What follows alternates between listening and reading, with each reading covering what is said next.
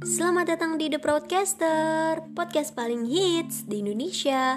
Podcast yang isinya ngebahas isu-isu nasional dan internasional. Akhirnya ya guys, kita masuk ke episode kedua. Jangan bosen-bosen ya dengerin The Broadcaster. Oh ya, by the way, kali ini kita bakal ngebahas sesuatu yang lagi hangat-hangatnya nih. Tahu gak sih, akhirnya Menteri Pendidikan dan Kebudayaan Nadiem Makarim mengizinkan pemerintah daerah untuk memutuskan pembukaan sekolah atau kegiatan belajar tatap muka di sekolah di seluruh zona risiko virus corona mulai Januari tahun 2021. Nadi mengatakan keputusan pembukaan sekolah akan diberikan kepada tiga pihak, yaitu pemerintah daerah, kantor wilayah, dan orang tua melewati komite sekolah. Pak Nadim pun menegaskan, orang tua masing-masing siswa dibebaskan untuk menentukan apakah anaknya diperbolehkan ikut masuk sekolah atau tidak. Pembelajaran tatap muka diperbolehkan, bukan diwajibkan, kata Pak Nadim Makarim. Kala itu, keputusan membuka sekolah meskipun di tengah wabah dilakukan Pak Nadim karena PJJ pembelajaran jarak jauh di sejumlah daerah dianggap tidak berjalan optimal. Selain itu, muncul khawatir dampak buruk akibat PJJ dalam jangka panjang. Menurut Nadiem Makarim, sekitar 88% sekolah di daerah tertinggal, terluar, dan terdepan berstatus zona hijau dan kuning. Nah, kalau dari sisi hidup gue pribadi nih, gue sangat-sangat-sangat senang banget sih pas dengar berita ini. Soalnya selama sekolah secara daring, yang gue rasain tuh kayak negatif vibe gitu yang lebih mendominasi.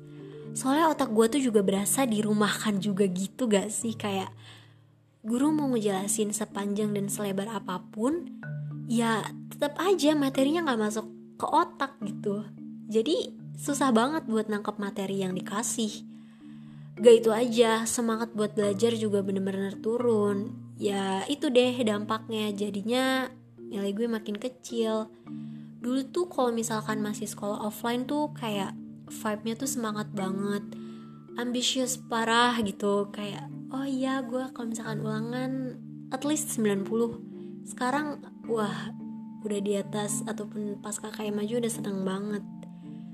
Eh sorry ya gue jadi curhat gak jelas gini loh. Ini drill podcast ya ini gak ada di cut cut cut jadi this is actually me gitu. Kita kan harus makin um, dekat dengan para pendengarnya asai gitu oh iya selain dari sisi gue pribadi adik gue nih beberapa minggu yang lalu juga dikasih semacam Google Form atau semacam petisi gitu untuk um, berisi persetujuan apakah setuju atau enggak kalau misalkan sekolah tuh dibuka kalau misalkan sekolah sudah diberlakukan secara offline kalau dari sisi orang tua gue juga jelas gak ngasih sih ya katanya sih biar aja seminggu masih daring biar lihat dulu sikonnya kayak gimana apakah justru jauh lebih buruk atau mungkin memang makin baik gitu Well, kalau misalkan dilihat dari lingkungan sekitar juga, lo sadar gak sih? Banyak banget mall, tempat wisata, dan kafe-kafe gitu udah buka dan itu sebenarnya bisa menarik banyak orang gitu. And then forgetting about the social distancing. Jadi ya secara nggak langsung bikin para dokter makin sibuk di rumah sakit.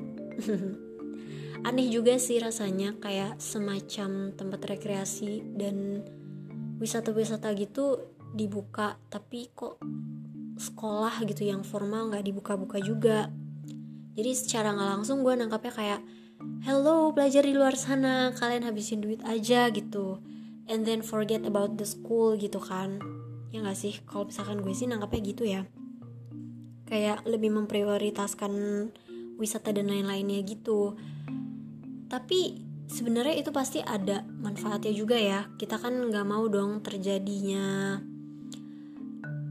um, penurunan mata uang rupiah juga. Jadi ekonomi itu sebisa mungkin tetap stabil itu jadi hal-hal semacam seperti ini harus tetap dibuka gitu well apa pun kebijakan yang sudah diambil oleh pemerintah Indonesia pastinya akan memberikan dampak positif kita juga sebagai rakyat Indonesia harus setuju dan mendukung kebijakan apa pun itu.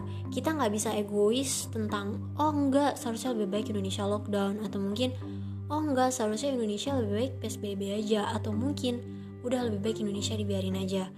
Well, pendapat apa pun itu itu nggak bisa diambil secara egois juga soalnya kan ya kita harus lihat dari berbagai sisi pandang juga gak sih Oke okay guys, cukup segitu aja. Jujur ini di luar dari naskah yang gue tulis.